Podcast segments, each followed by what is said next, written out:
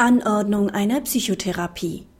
Der gerichtlichen Anordnung, dass sich ein Elternteil wegen eingeschränkter Erziehungsfähigkeit einer Psychotherapie unterziehen soll, fehlt es an einer Gesetzesgrundlage. Sie stellt einen Eingriff in dessen allgemeines Persönlichkeitsrecht dar.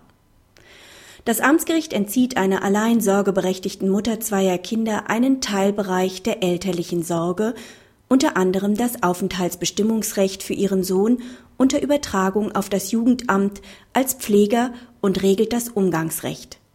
Die Beschwerde der Mutter hiergegen weist das Oberlandesgericht zurück.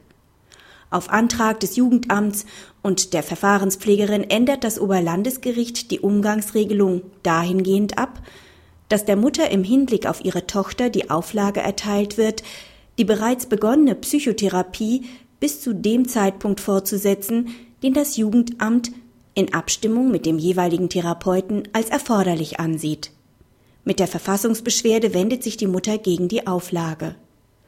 Das Bundesverfassungsgericht stellt fest, dass der Beschluss des Oberlandesgerichts die Mutter in ihrem Grundrecht aus Artikel 1 Absatz 1 in Verbindung mit Artikel 1 Absatz 1 Grundgesetz verletzt.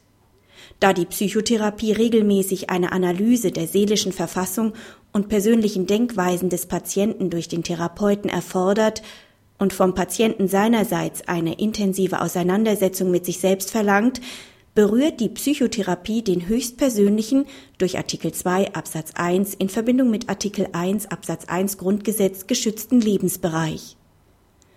Für den erheblichen Eingriff einer gerichtlich angeordneten Psychotherapie zur Verbesserung der Erziehungsfähigkeit fehlt eine klare und unmissverständliche gesetzliche Grundlage, die einen solchen Eingriff rechtfertigen könnte. Zwar gestattet Paragraph 1666 BGB Eingriffe in das Recht der elterlichen Sorge und auch Maßnahmen gegen Dritte. Die vom Oberlandesgericht verhängte Auflage, dass sich die Mutter zum Wohle der Tochter einer Psychotherapie unterziehen soll, unterfällt nicht dem Maßnahmenkatalog des Paragraphen 1666 Absatz 3 BGB. Insbesondere handelt es sich weder um eine öffentliche Hilfe noch um eine Maßnahme der Gesundheitsfürsorge für das Kind.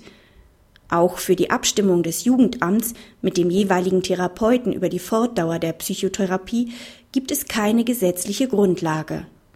Zudem ist die angegriffene Auflage zur Gefahrenabwehr nicht geeignet, denn der Erfolg einer Psychotherapie ist maßgeblich von der Bereitschaft des Patienten abhängig, sich auf die Analyse seiner Persönlichkeit und Verhaltensweisen einzulassen und gegenüber Hilfestellungen durch den Therapeuten offen zu sein. An dieser Bereitschaft wird es regelmäßig dann fehlen, wenn der Elternteil gerichtlich zur Psychotherapie verpflichtet wird. Praxishinweis. Aus der Entscheidung des Oberlandesgerichts ist nicht eindeutig ersichtlich, ob sich die Auflage der Psychotherapie tatsächlich gegen die Mutter richtet oder gegen die Tochter. Das Bundesverfassungsgericht hat ersteres angenommen. Unabhängig davon stellen beide Konstellationen einen Eingriff in das allgemeine Persönlichkeitsrecht der Betroffenen dar. Die Anordnung der Psychotherapie für die Tochter kann aber unter Umständen über Paragraph 1666 Absatz 3 Nummer 1 BGB gerechtfertigt werden. Bei größeren Kindern kann die Anordnung einer Psychotherapie ungeeignet sein, wenn das Kind sich nur widerwillig der Anordnung unterwirft